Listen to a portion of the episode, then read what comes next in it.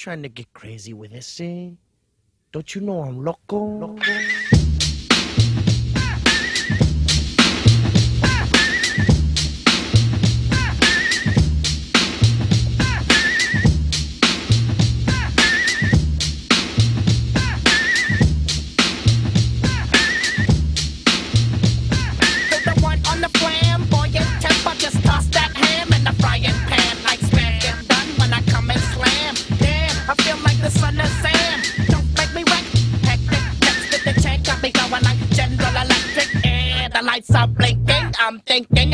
I wanna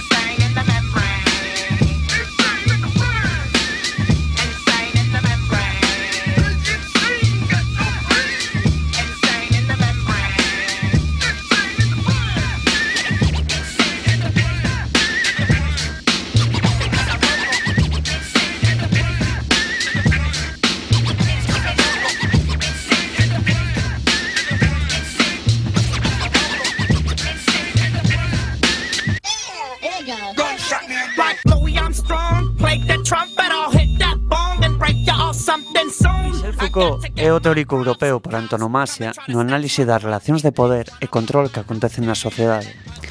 Na súa historia da sexualidade conta entre moitas outras cousas, as técnicas de sanción, censura e estigmatización que a biopolítica orixinada na época victoriana ven desplegando sobre o corpo e a sexualidade. En tempos recentes, aquel principio que enunciaba Foucault de para controlar no social primeiro hai que dominalo no discurso, adquire tintes proféticos cando dous traballadores cun calcetín na man que recrean unha ficción rematan no cárcere.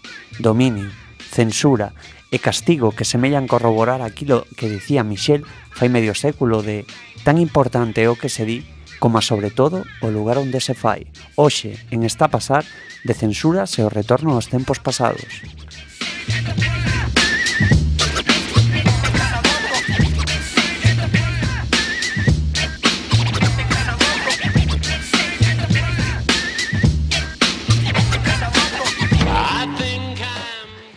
Subido o volume da radio que viron os altofalantes e non teñades medo que rachen que neste programa son de coiro de cacique.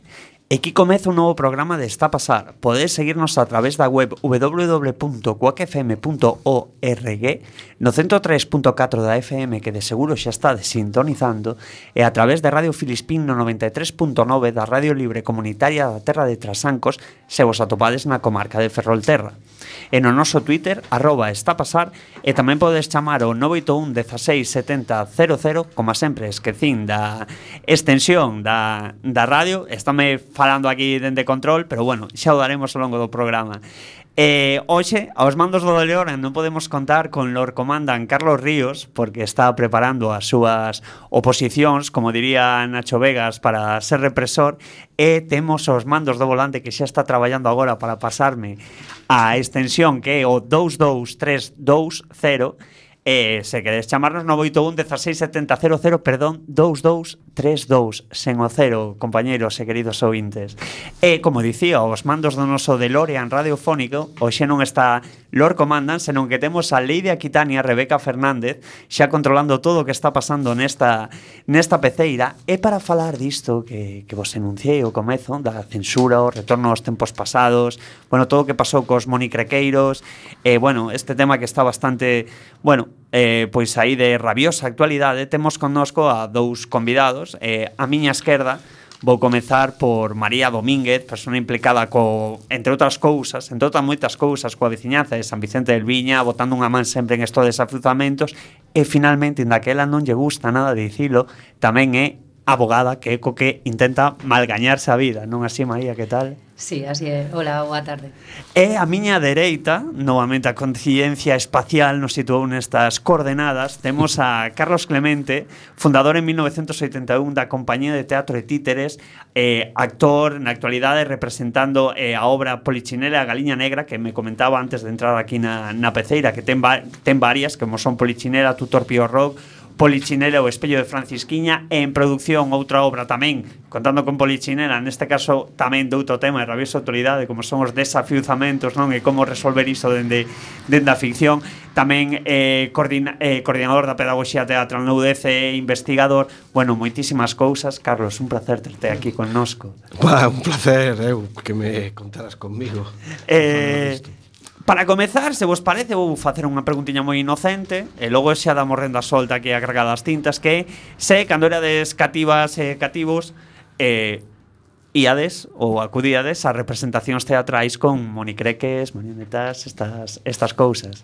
María. Sí, eu eh, lembro algunha puntual eh, Quizáis non, non estaba tan tan accesible na rúa, eu non lembro, Pero, pero sí, dende logo lembro con moitísimo cariño esa bola de cristal, non? Que entendo que, que para os rapaces da, da miña época é como... Bueno, pois pues queda aí todo un símbolo, non? Uh -huh. O máis próximo.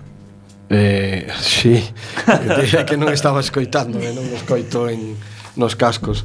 Eh, eu, imos ver, eh, lembrar, eh, eu lembro por historia o que sería os primeiros eh, títeres que se coñecen na historia moderna en Galicia uh -huh. que é o Barriga Verde, non? Así. Ah, Aínda que teño un recordo máis máis preto que na memoria que é o que se facía na radio de Coruña eh, a, Ballina, a Ballena Alegre creo Ai, dese que, que non me lembro non sei Fai se moitos anos de, María. pois pode facer 40 anos ah, vale. 45 vale. anos vale. Ahora, todo Tem, Temos excusa nese caso sí. Porque o meu pai cantaba na, na radio entón eh, íbamos aí eh, algunha sesión de títeres levaban a Ah, porque te, tiña como unha especie de escenario facían as actuacións en directo, non? Erradiadas en directo. Moi ben. Entón, xa entrando no que sería aquí na temática, Que o que pensades do que vende a acontecer co tema este dos monicrequeiros en Madrid e, bueno, todo o que, o que se desplegou? María? Bueno, eu eh, comento que nos primeiros días, polo menos vou comentar a miña primeira reacción, non? Eh, o ter coñecemento de que quedaron detidos, si, si que me sorprendín moitísimo. Por que? Porque a prisión provisional está prevista para unha serie de supostos que eu entendía que neste caso non se podían dar, non? Independentemente de como foran os feitos, que os descoñecía e, lóxicamente, toda a fundamentación xurídica. Eh, esa prisión provisional está prevista para evitar que as persoas podan fuxir do país se hai un risco de que fuxan, uh -huh. de que poidan continuar per perpetrando o delito ou que podan destruir probas. Entendo que neste caso ningunha das tres posibilidades justificaba ese autodetención porque parece ser que os, os monicreques quedaron incautados, polo tanto imposible repetir. Risco de fuga tendo un domicilio habitual en España, familia, bueno, quero decir, casi calquer persona socializada e tal, con normalidade non hai ese risco de fuga, non ten parentesco fora do país e non hai motivos para contar con que poidan eh, marchar e, E, bueno, quero decir, esa foi a, min, a miña primeira sorpresa.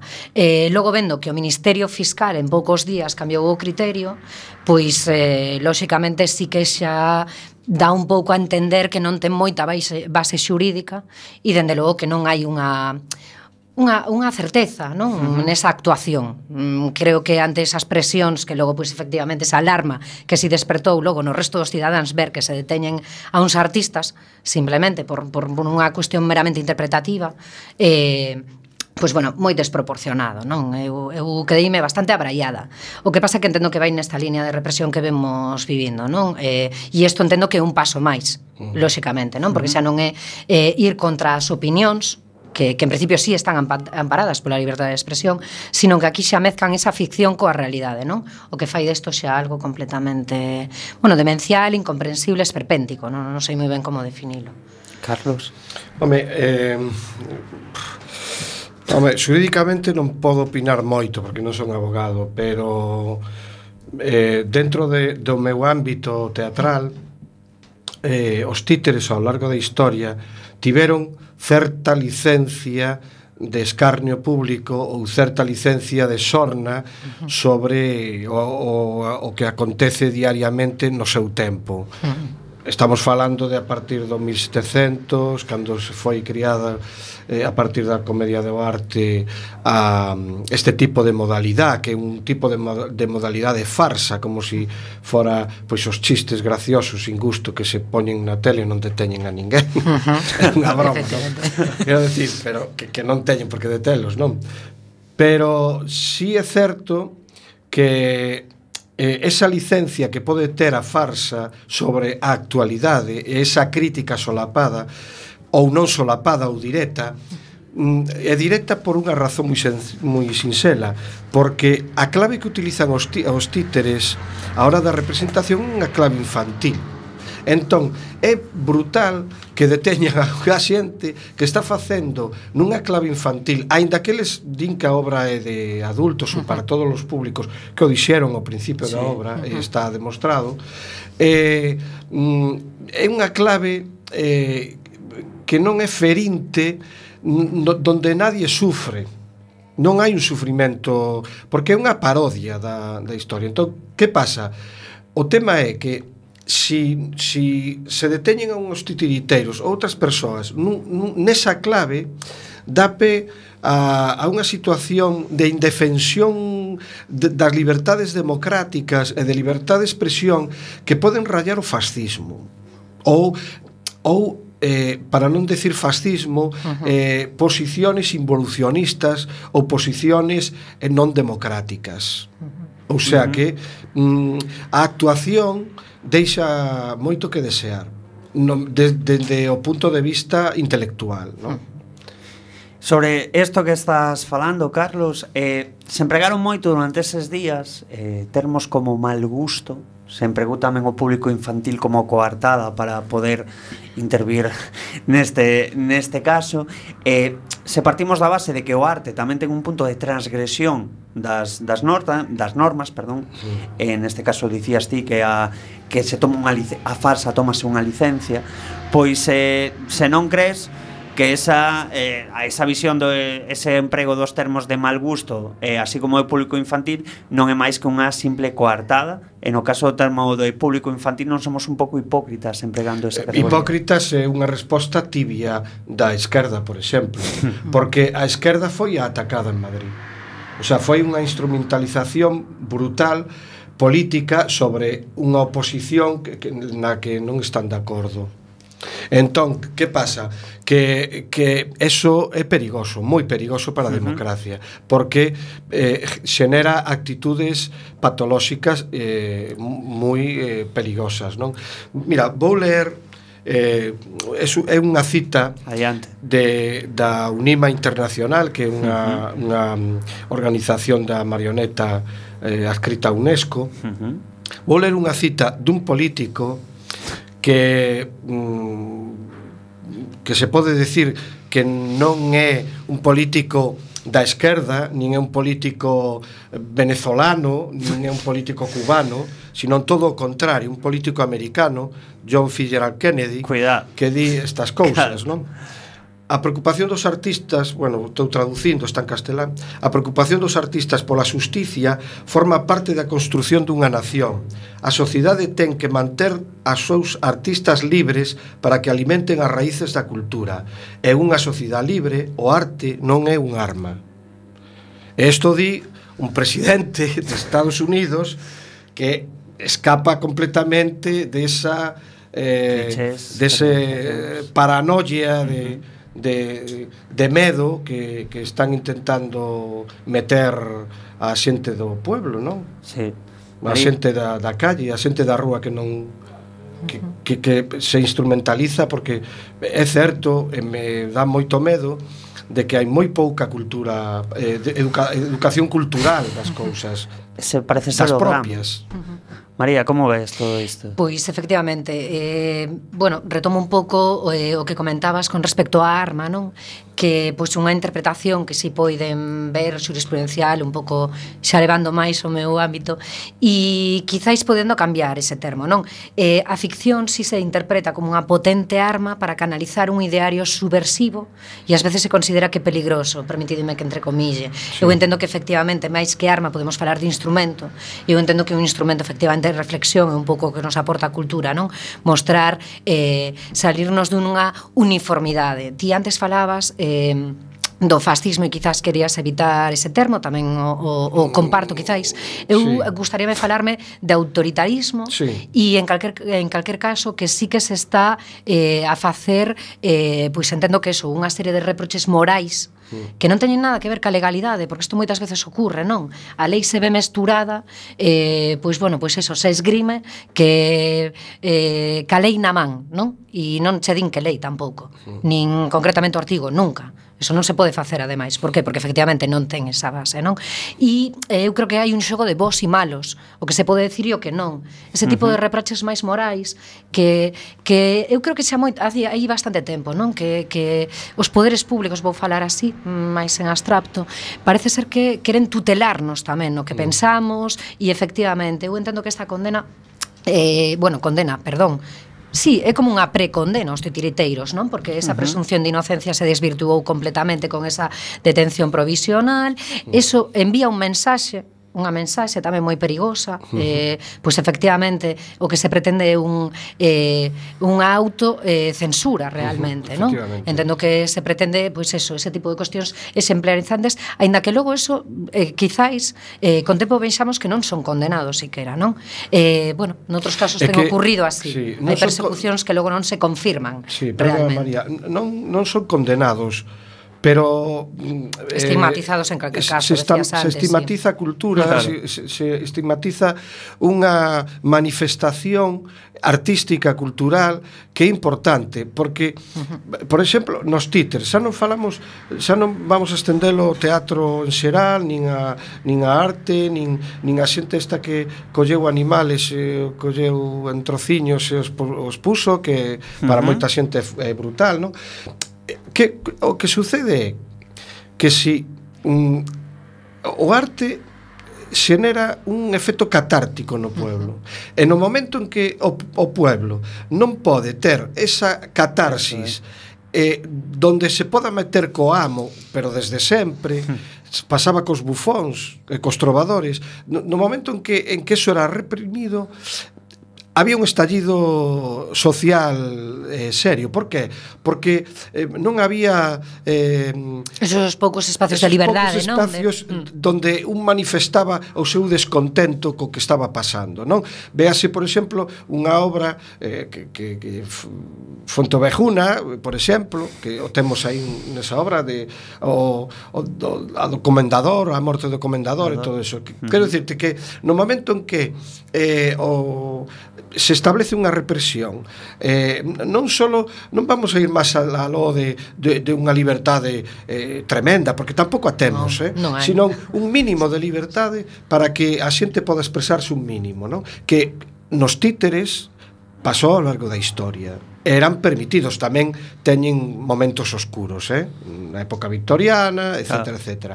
E, te, te, ou, ou, por exemplo, en estados dictatoriales entre eh, que decimos da esquerda, non? Que tamén hai unha represión, non? Os estados dictatoriales da, do, do que se denomina dereita, non? Por que? Porque si teñen medo desa crítica, teñen me, non, non toleran esa crítica. Pero, claro, non, non é duradeira no tempo e que non exista esa manifestación popular. No momento en que esa manifestación popular de os carnavales, ademais é que a detención é nunha festa de carnaval, quero decir, non foi nunha festa nunha actuación de nenos para infantil, nunha sala de teatro pechada en que meten, equivócanse e poñen un espectáculo de, de adultos para nenos. Non, non, non, foi na calle nun ámbito de carnaval, de carnestolendas, que además o di carnestolendas, o sea, que estamos hmm. facendo escarnio sobre o que vemos. As fallas son escarnio sobre o que vemos e moitas cosas se fan como escarnio como que vemos. Que pasa? Que eu creo que foi un exceso de celo. Sabes, foi máis papista co Papa. Totalmente. Sí. Totalmente. Bueno, eu creo que este de, fai un este favor aos de seus. Celo, efectivamente. Non. aos seus non digo a justicia, eh? Xa. Non digo a justiza. Aos seus, porque eu entendo que unha actitude esas non a toma unha persoa democrática ou pensando que é democrático, non? Lembrades algo semellante a isto que aconteceu co tema dos monicrequeiros en Madrid? Algún que non sea no franquismo, evidentemente. Home, eu teño unha anécdota, pero que non chegou a Sangre ao Río, en Lugo, nun festival, eh, no festival de na feira esta de Lugo, como se chama, o San Froilán. San Froilán. Que eh, se programou un Puig and Judy, uh -huh. xa unha, unhos títeres ingleses dunha tradición tremenda donde eh, mm, eh Punch mm, é un tipo deleznable que, eh, que non soporta nada entón lle dan un bebé para, para que o cuide e eh, o tira pola ventana eh. quero decir Claro, pero estamos falando de, un, de unhas obras de tradición infantil. Infantil. Claro, claro, claro, claro, claro. Quero dicirte, o escarnio e o sarcasmo en Inglaterra o toman de outro xeito. Vai a outro nivel.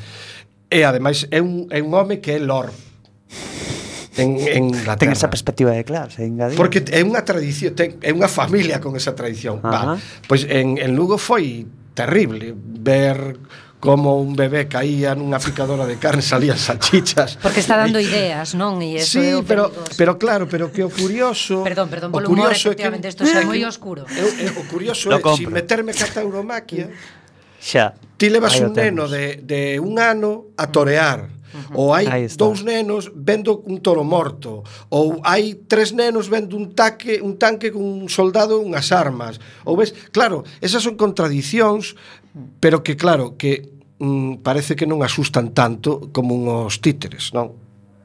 Eh, quero dicirte, sí que asustan, quero dicir, pero quero Eso dicirte quería que... preguntar en realidade, perdón. Eh, Hai títeres e títeres. Claro, claro, hai monicrecas e eh. Entender que asustan, bueno, Claro, María, porque entón contextualizando contextualizando eu entendo que non ten por que pegar ese medo, non? Se si efectivamente temos en conta o que estamos vendo, claro, porque, que asistimos claro, e ese trasfondo que ten. Incluso me estabas lembrando falar desas tradicións, me lembraba o tema dos contos infantís, non?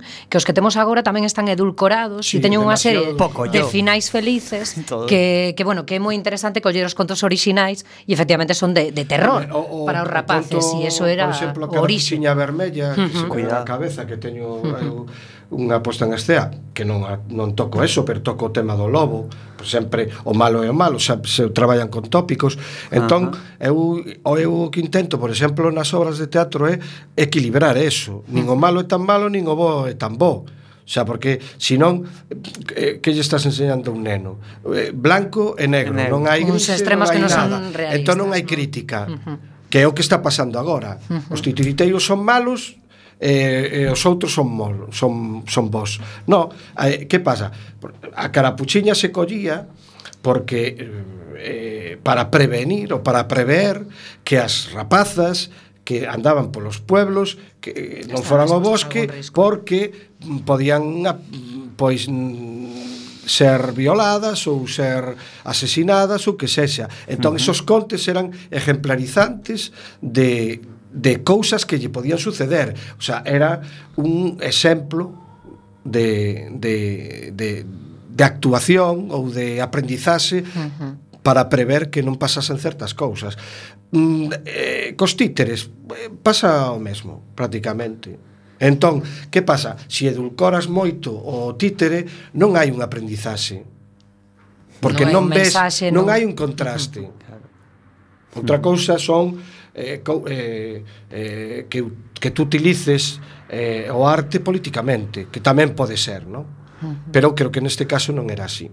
Eh, pregunta eh, un pouco así, eh, María, crees que se pode comezar a, ou se está intentando falar ou impoñer unha especie de delito por fabulación arti artística E que claro, é que isto xa comeza a ser un pouco así. E que facemos coa Audiencia Nacional? Se ven a sustituir aquel tribunal de como se chamaba? Eh, o Tribunal de Orden Público del franquismo e se la Policía Nacional é a é aplicado ao político e social, non? Por o que veñen de facer ao longo de diversas territorialidades. Bueno, intento respostarche primeiro Dalle. na primeira pregunta un pouco que, que efectivamente eh, vemos eh, nestes últimos tempos que, que se está perseguindo constantemente a opinión, mm. esa liberdade de expresión que se está vendo cortada pois, pois, los periodistas que queren informar en determinadas situacións, bueno, todo isto que ven tamén a reprimir a lei Mordaza, non?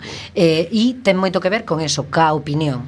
Eu entendo que agora eh, este castigo eh, xa é a ficción porque esa opinión xa está como moi moi perseguida, non? entón quizáis xa este como un pouco máis dominada. E isto uh -huh. é un paso máis aló. Eh, concordo co que decía Carlos, non? Pareceme pareceme perigosísimo uh -huh. eh esta esa interpretación. A, eh, aproveito para postillar algo que comentabas antes dos xuices bueno, non me gusta moito meterme neste ámbito personal non, non, non, non uh -huh. quero ir a matices máis personais porque, bueno, é algo moi complexo.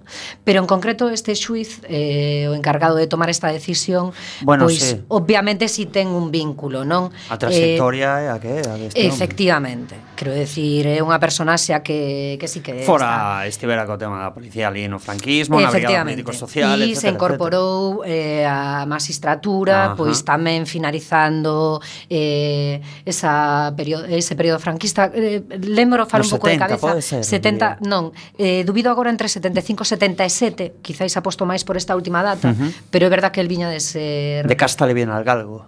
Bueno, quizáis, non o sei, o sea, non me atrevo a entrar tan directamente, pero que sí que hai un vínculo máis claro, non, neste caso. E bueno, logo por eh, tamén pola súa trayectoria profesional, eh, o tipo de sentencias, non? Porque é verdad que os xuíces magistrados teñen que ser personas eh, moi obxectivas, tan obxectivas que, que bueno, que chegamos casi o, o ridículo de pensar que xente que non ten ideoloxía propia. Mm. E isto, pois, lóxicamente non ten sentido, non? Como persoas que son, efectivamente, si sí a teñen. O que non poden é ter esas vinculacións políticas tan claras ou decantarse tan claramente. E no caso deste xuiz, pois, bueno, efectivamente, eh, non me constan ese tipo de vinculacións políticas tan directas como no caso do presidente do Tribunal eh, Supremo, claramente, que é un afiliado do partido que gobernaba, eh, continúa en funcións, pero bueno, realmente esa, eh, apuntar un pouco o tema de, desa de trayectoria. Con isto aproveito para enlazar eh, co que me comentas de, da Audiencia Nacional que facer con eles. Claro. Dende logo, eu non teño a solución, non, uh -huh. non, non, non, non hai esas recetas máxicas. Eh, sí que é verdade, e neste caso non falo tanto das miñas ideas, senón que efectivamente hai autores que no seu momento eh, e, e xuristas que no seu momento sí indicaron que efectivamente este feito da Audiencia Nacional e que a Audiencia Nacional xuzgue determinados delitos, eh, consideraban que sí era contrario á Constitución. Eh, concretamente o artigo 24.2, que é o que fala da tutela judicial efectiva, non?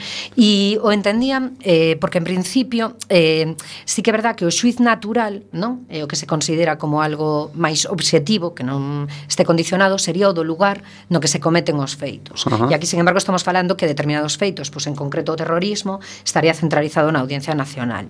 Entón, Eh, hai autores que efectivamente consideran que non eh, que non bueno, que non acada, eh, non chega a ser constitucional, efectivamente si sí sucede, eh, quero decir no tempo, si sí se pode falar dunha continuación deste Tribunal de, de Orden Público, Público. e ademais outra cosa que ten en común é eh, pois en concreto este tipo de delitos que son os que dos que coñece, non? E son estas materias eh, reservadas e concretamente o tema do, do terrorismo tamén. Eh, eh, o Tribunal Constitucional tivo ocasión de decantarse e, lóxicamente, xustificou que non hai inconstitucionalidade algunha que sí que hai unha serie de garantías e no seu momento tamén se pretendeu justificar como que os suíces no País Vasco pois a hora de ter que tratar concretamente este tipo de cuestións pois podían estar moito máis presionados eh, si vamos ao xuiz do lugar natural no que acontecen os feitos que non en Madrid, non? E isto un pouco Esa excusa que serviu logo pois para dar ese encaixe legal ou xustificar esa, esa necesidade. Xa digo que hai dúbidas eh, sobre a súa constitucionalidade. É que comentaba antes eh, Carlos o tema de que lembraba tempos, bueno, é unha uh -huh. dictadura, totalitarismo e máis, e se credes que está funcionando unha dictadura do políticamente correcto. Ui, eh, buf, moitísimo.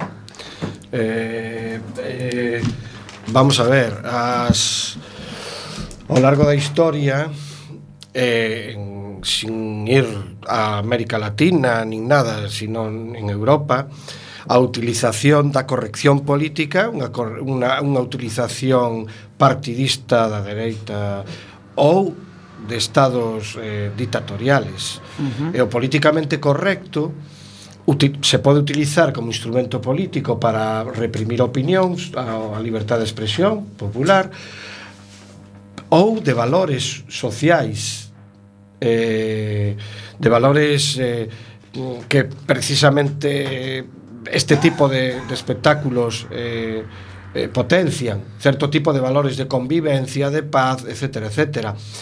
Eh, que pasa?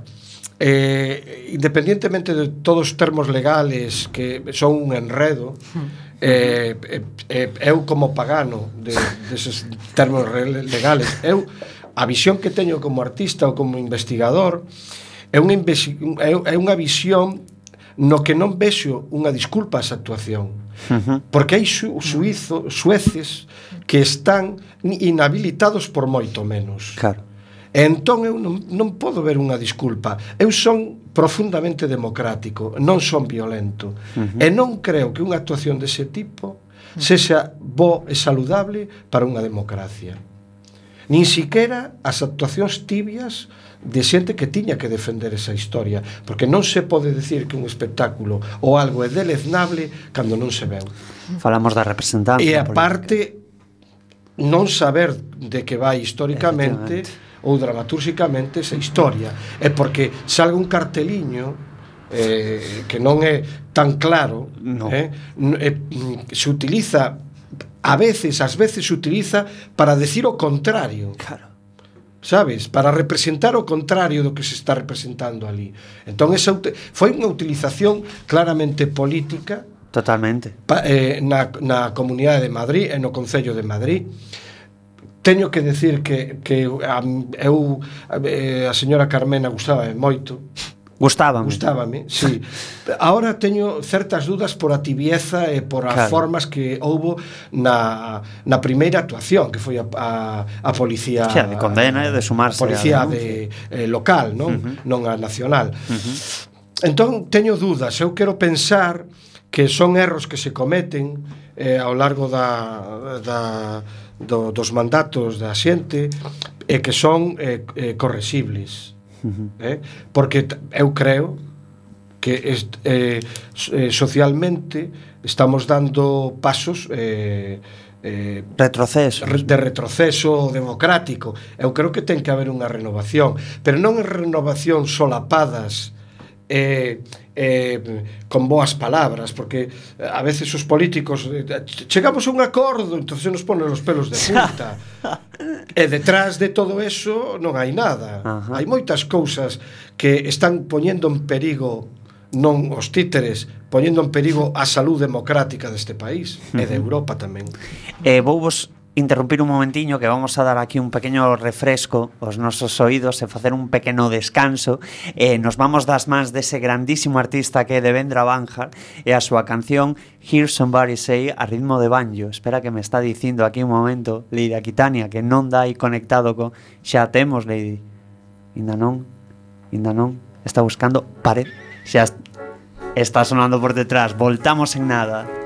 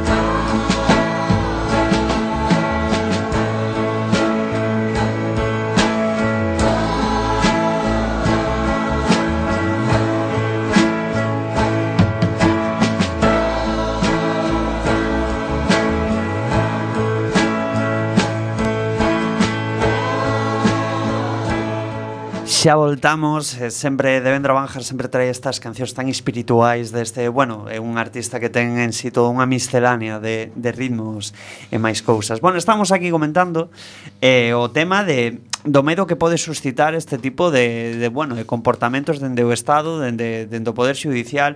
Eu quería vos preguntar un pouco, bueno, primeiro menta Carlos, se xa apreciaches algo nestes últimos tempos de algunha reacción de se están máis atentas as nais, os pais e tal, coas representacións que vos vos levades e, e que vos poñedes en xogo ou non, ou máis ou menos eh, si, si, igual. Eh, eh, na sala que eu dirixo non. Uh -huh. Eh, eu teño moi clara a programación cando infantil e cando é de adultos. Teño moi claro cando as, cando as temáticas son de adultos e cando as temáticas son infantís. Uh -huh. Hai cousas en tampouco quero ser políticamente correcto en infantil, nin quero dulcificar as realidades, pero tampouco vamos a asustar os rapaces, non? Claro. Entón, sempre hai unhos límites nos valores E se nós temos esos límites claros, non vai haber problema. O que si non podemos é caer na ñoñería. Eh? Os rapaces teñen que aprender a vida. A vida é dura. A intentamos facer o eh, mellor posible. O mellor posible, pero non quere decir que na vida haxa dificultades. E o teatro eh, na sala vai moita xente ao teatro eh, é unha forma tamén de entrar en valores con, de, de sociales, de sociabilidade de compartir, de moitas cousas non? entón, que pasa? Mm, si dá medo, por exemplo en certas cousas eh, que vas a escribir por exemplo, para espectáculos de todo o público onde hai unha pequena autocensura por chamarlo de algún xeito, non? Porque con o propio estas... autor, queres te... Sí, sí, o propio claro. autor, o propio titiriteiro, que dices, "Ui, isto non o podo poñer". E incluso eu montando os polichinelas, uh -huh. as tres obras cos amigos ou colaboradores, eh, me dicían, "Non, isto non o poñas porque mm, isto pode pode soliviantar os pais, se, se van a Aos se... pais Sí, porque aos nenos non se claro, a orientar. É que, é que, é que, mm, é que a, a, utilizar ao neno como arma arrojadiza contra os valores que asustan os pais é que é, é que é, é unha estupidez terrible, é que non ten forma de, de decirlo, porque os rapaces non saben que é unha ficción, e xogan porque teñen o xogo simbólico mm, eh, moi ao día, cosa cousa que os os os, os maiores perderon ese xogo simbólico, sí. entón se asustan por todo, non? E os nenos non. Claro, a non ser que utilices cousas e se asusten aos nenos. E hai moitos nenos susceptibles que tamén se asustan, uh -huh. como os maiores. E hai outros nenos que se asustan dunhas cousas e eses mesmos nenos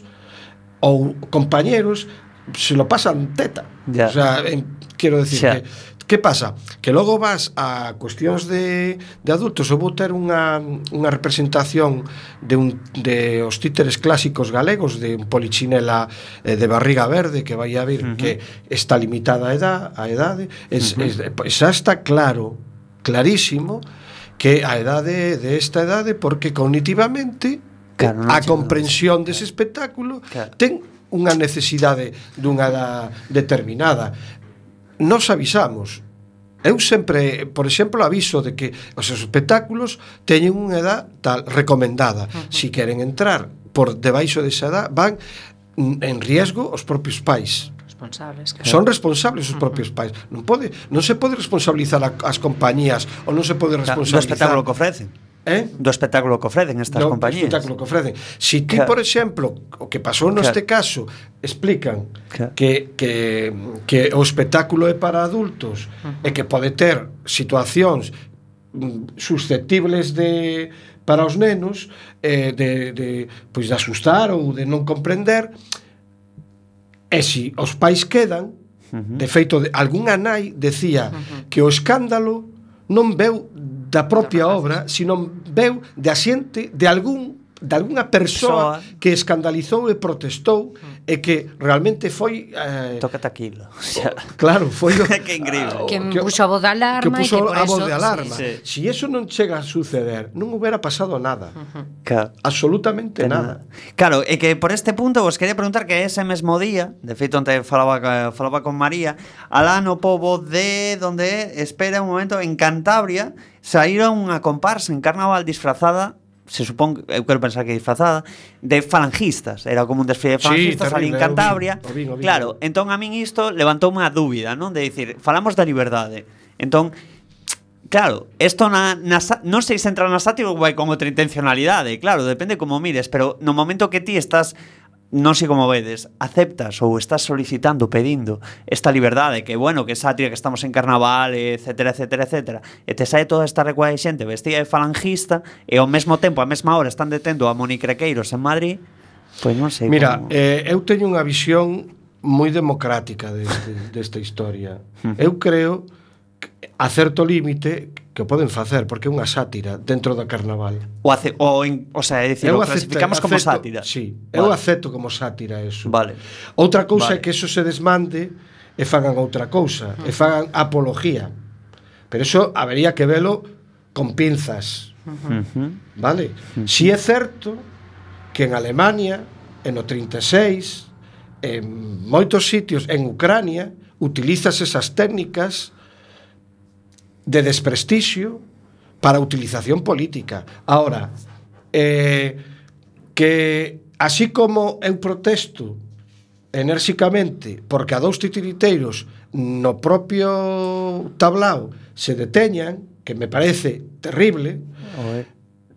tamén teño que aceptar claro. que haxa unha manifestación dentro dun contexto de carnaval Aí está. de unha historia Claro, eu tampouco te podría decir, non estaba ali, eu vi un vídeo. Sí, a sí. min pareceume unha exaltación de, de tempos pasados, pero Totalmente. bueno, de determinados valores. Sí, de determinados de valores bien, non sí. democráticos, uh -huh. pero estamos dentro dese xogo democrático. Claro. Claro, eu por exemplo, se si un, farsa. se si un suiz Mm, pois de, de notable eh, tendencia política de izquierdas eh, mm, eh chavista e eh, deteñen a esos tipos pois tamén tería eh, eh, tería un problema moral sobre esa detención. Porque estamos dentro de un, de, claro, de un, dun xogo contexto, democrático, dun contexto.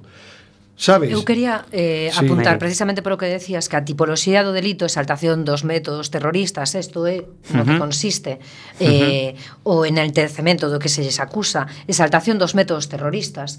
Volto a repetir, eh, porque eh, simplemente con ter en conta que aparece un mero cartaz eh, e ademais bueno, cartaz, o contido da obra... Un anaco de servilleta siquiera... pintado como Gora Alcaeta. De, claro, o sea, quero decir cartaz... que estamos falando de exaltación dos métodos terroristas. Claro. Revisemos claro. a obra e vexamos se si encaixa claro. o tipo penal, ¿no? que un pouco Pero o que quería era precisamente decir que en ningún caso, o que estabas comentando, de da igual eh, esa orientación esquerda-dereita, desa representación mm. que nos poida resultar eh, ofensiva ou non, porque xa estamos uh -huh. falando de términos ofensivos en sí. realidade, non? Eh, o que si ven decir, a, a decir a normativa é que non se pode en ningún caso prohibir o eloxio ou a defensa de ideas ou doutrinas, por máis que estas se alonxen ou incluso se pongan, poñan en cuestión o marco constitucional. Precisamente, eh, entendo que si sí eres moi democrático, non? Polo que estabas demostrando, porque hai un respeto a este tipo de, de ideas deste marco, de, de que efectivamente se pode facer unha serie de críticas ou se pode disentir dunha opinión mayoritaria e asentada, non? En lanzato co que decías antes desa dictadura do políticamente correcto, correcto, que entendo que sí, que é unha imposición, pero é que a lei realmente o que ampara e prima é esa liberdade de expresión Sí, pero parece... O que pasa que se interpreta... Pero non todas as liberdades de expresión son liberdades. no, o que, o que como decía de que Orwell, logo ¿no? se interpreta máis restrictivamente ou menos, ou hai sentimentos, e eu diría que moi concretos, máis de persoas concretas, uh -huh. que sí, que de repente se, se ofenden e son un poucos que reclaman eh, pois realmente máis que xusticia, eu diría vinganza, non? Que o que parece que hai aquí de trasfondo. Eh, e, sí. e bueno, eh, sí, esa vinganza non é unha xustiza, porque non é revisar o que a lei realmente di. E logo dame moitísima má agua que se transmita todo ese tipo de inseguridade, non? Para as persoas que, que están neste ámbito e que tedes esa inseguridade, eu vou falar de inseguridade xurídica porque é o meu ámbito, pero o que conleva é precisamente esa autocensura. E o lóxico, empezo a cuestionarme que se pode decir que non, e isto se pode resultar moi ofensivo. Entendo que as liñas son máis do que queredes decir e de como expresalo que quizáis non un temor a, a este tipo de represións, non? Que eu quero quero pensar que son Home, temor, máis esporádicos. Temor, temor, bueno. eh, si entramos en ese temor Eu é moi perigoso, claro. pensaría que uh -huh. volvemos a un 36. Claro, a mí claro. pareceríame terrible, sí. ter terrorífico, uh -huh. e non quero pensar en eso. Claro. E non quero pensar que a dereita, que hoxe temos non é a dereita do 36 vale? non quero pensar niso Comeza a ser complicado, Carlos, por claro. isto que estamos vendo eh, eh, pero tampouco pero dicir, quero pensar no mesmo tempo, eh, tamén para engadir cousas que do que estáis dicindo, no Carnaval de Cádiz, no Teatro Falla entraron a registrar a todas as comparsas e chirigotas mm. para ver que material levaban para facer os seus tipos. Detiveron un rapaz que facía a parodia da parodia aquí en Ourense sí, por ir sí, vestido sí. con a movida sí. unha sama pital e agora caete. É que entón... ese é o problema uh -huh. da, do que eu digo, da patología da enfermedade democrática. Ese. En, en donde empeza a, a dar eh, coletazos de, de intolerancia dun xeito ou de outro. Dame igual que sea da esquerda ou da dereita. Uh -huh. No momento en que hai coletazos de intolerancia, a convivencia democrática desaparece. La intolerancia entón, de los tolerantes, ¿no? La intolerancia de los tolerantes. que di un profesor. Do, do, efectivamente. los que, o, o sea, ser consecuente ser consecuente con los inconsecuentes. Que, Efectivamente. Sabes? O sea, que, é que, claro, eh, que decías do medo. Mm. Eh, é que existe ese medo. E que entendo que é realmente o que se quere transmitir. Claro, porque ese medo Porque insistimos en que non hai unha base técnica claro. para justificar eso. Non Por hai. lo tanto, hai unha base ideolóxica, eh, política, moralizante, unificadora, non sei, impoñendo. Sí, uniformadora. Uniformadora, sí, sí. realmente. Administración do medo para o control social? Pregunto. Eh, bueno, eh, eu iría máis, por exemplo, no que dis, tomando o que dis, Eh, xa non vou ao tema político, vou ao tema de mercado, por uh -huh. exemplo. Eh, a uniformidade dun pueblo é eh, é un rebaño manso para certo tipo de economías. O capitalismo atroz eh, eh que é moi perigoso, que incluso o Papa, non son religioso, pero incluso o Papa Francisco está se definiu claramente en contra del, eh, mm, precisa de povos mansos, de povos uniformados, de povos sin criterio, de povos sin espírito de crítica, pero tamén te vou dicir unha cousa. Eses povos non non non hai unha progresión, non hai unha evolución no mercado. Acaban deteriorado o mercado. Os, os, os, os povos máis eh, democráticos e máis libres son os povos máis evolucionados a todos os niveis. Claro. Entón, si nos entramos en, en, en actitudes dictatoriais donde non podemos expresarnos porque mm, todo a xente a, o tecnócrata o mide dentro da rendabilidade económica de vender catro caixas Aí está. Pero é a rentabilidade moral e, e, e os valores artísticos que son precisamente os que fan que non cheguemos a guerras como os do, o de Yugoslavia. Eso. Ou cousas así precisamente porque se perde se perden esos valores eh, artísticos, porque se perde o norte a crítica intelectual e se chega á bestia negra ou se queres decilo mm, moi religiosamente para eles, o anticristo que eles falan. Especie de leviatán do, do humor, da farsa. Entón, sí, claro, sí. eu non quero entrar en iso, pero non quero entrar nin por un lado nin por outro Nese, nese, eu quero unha sociedade evolucionada. A nosa conquista está no espacio. Somos unha enfermedad que temos que curar. Entón, esa enfermedad a temos que curar. E a temos que curar con, con, con actitudes eh, eh, democráticas e tolerantes para tirar pa, pa diante e non ser conquistadores de novo.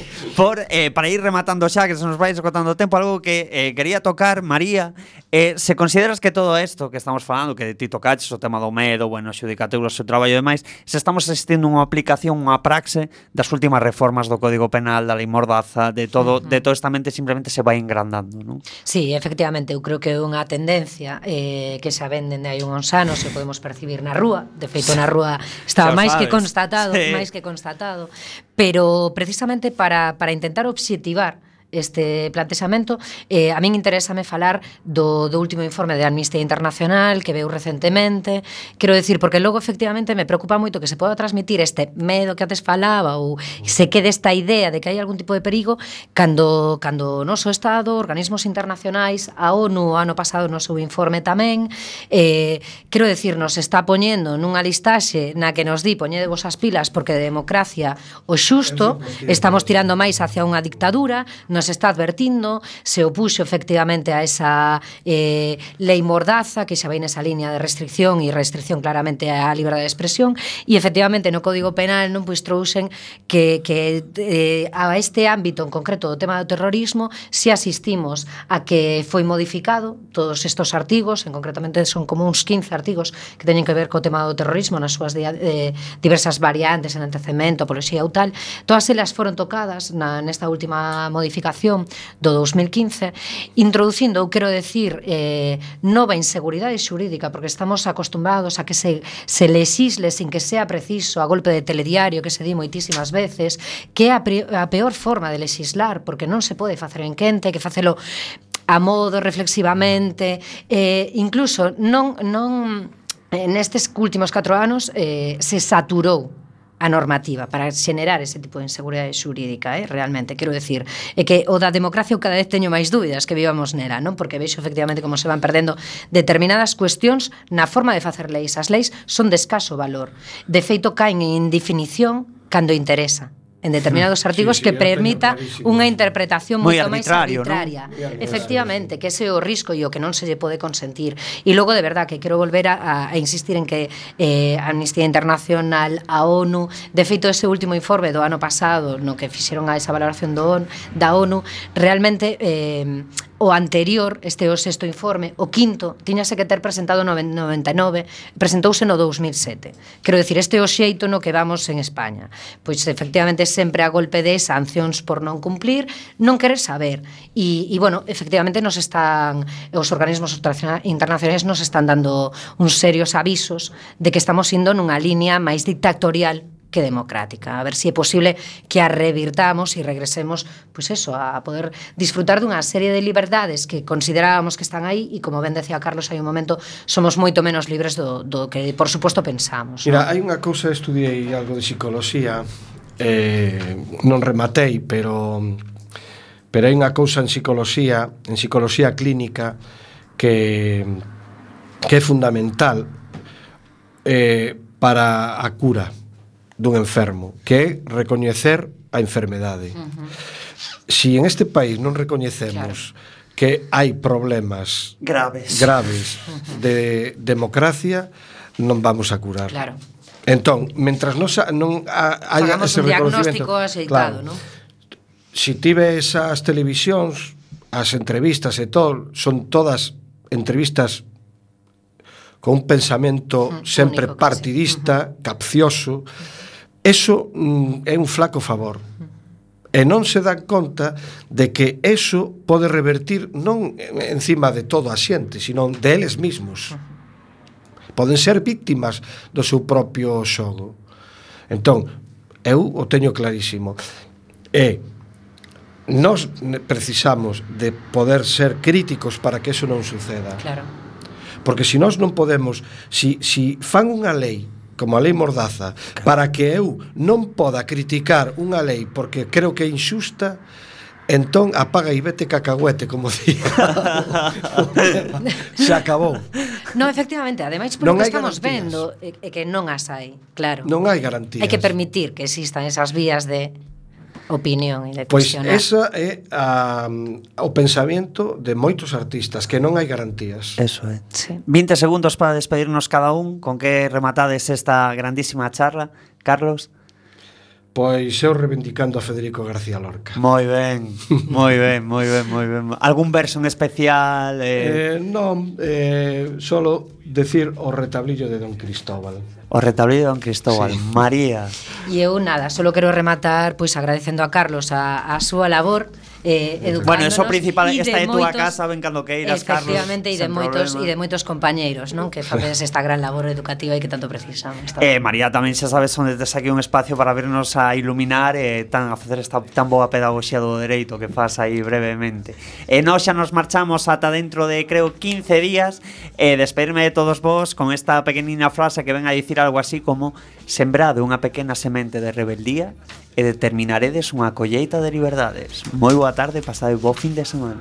Hay que cumplir su voluntad porque no hay que permitir que la ciudad recobre el orden porque el capitalismo caerá y no será tarde porque dirigentes ven como las calles arden es el secreto del acero que contienen los que no lo hacen por dinero ellos ven clientes y oyentes no miento. Les viste su sponsor a mí me viste el talento. Y yo canto lo que vivo y siento. Es la diferencia con aquellos que hablan de drogas y armamento. Con mujeres florero y fajos de dinero. Pero todo es pura trecho por dentro están muertos. Porque si yo cojo un arma no será para lucirla en un videoclip con guarras sino para enseñarle al pueblo el camino. Y vengar las muertes de Agullo y de Carlos Palomino. El secreto del acero es el que contienen unos pocos que no lo hacen por dinero y ven esperanza entre tanto sueño roto. El secreto del acero es de aquellos que huyen de los focos, que lo hacen por puro placer. Honestidad, disciplina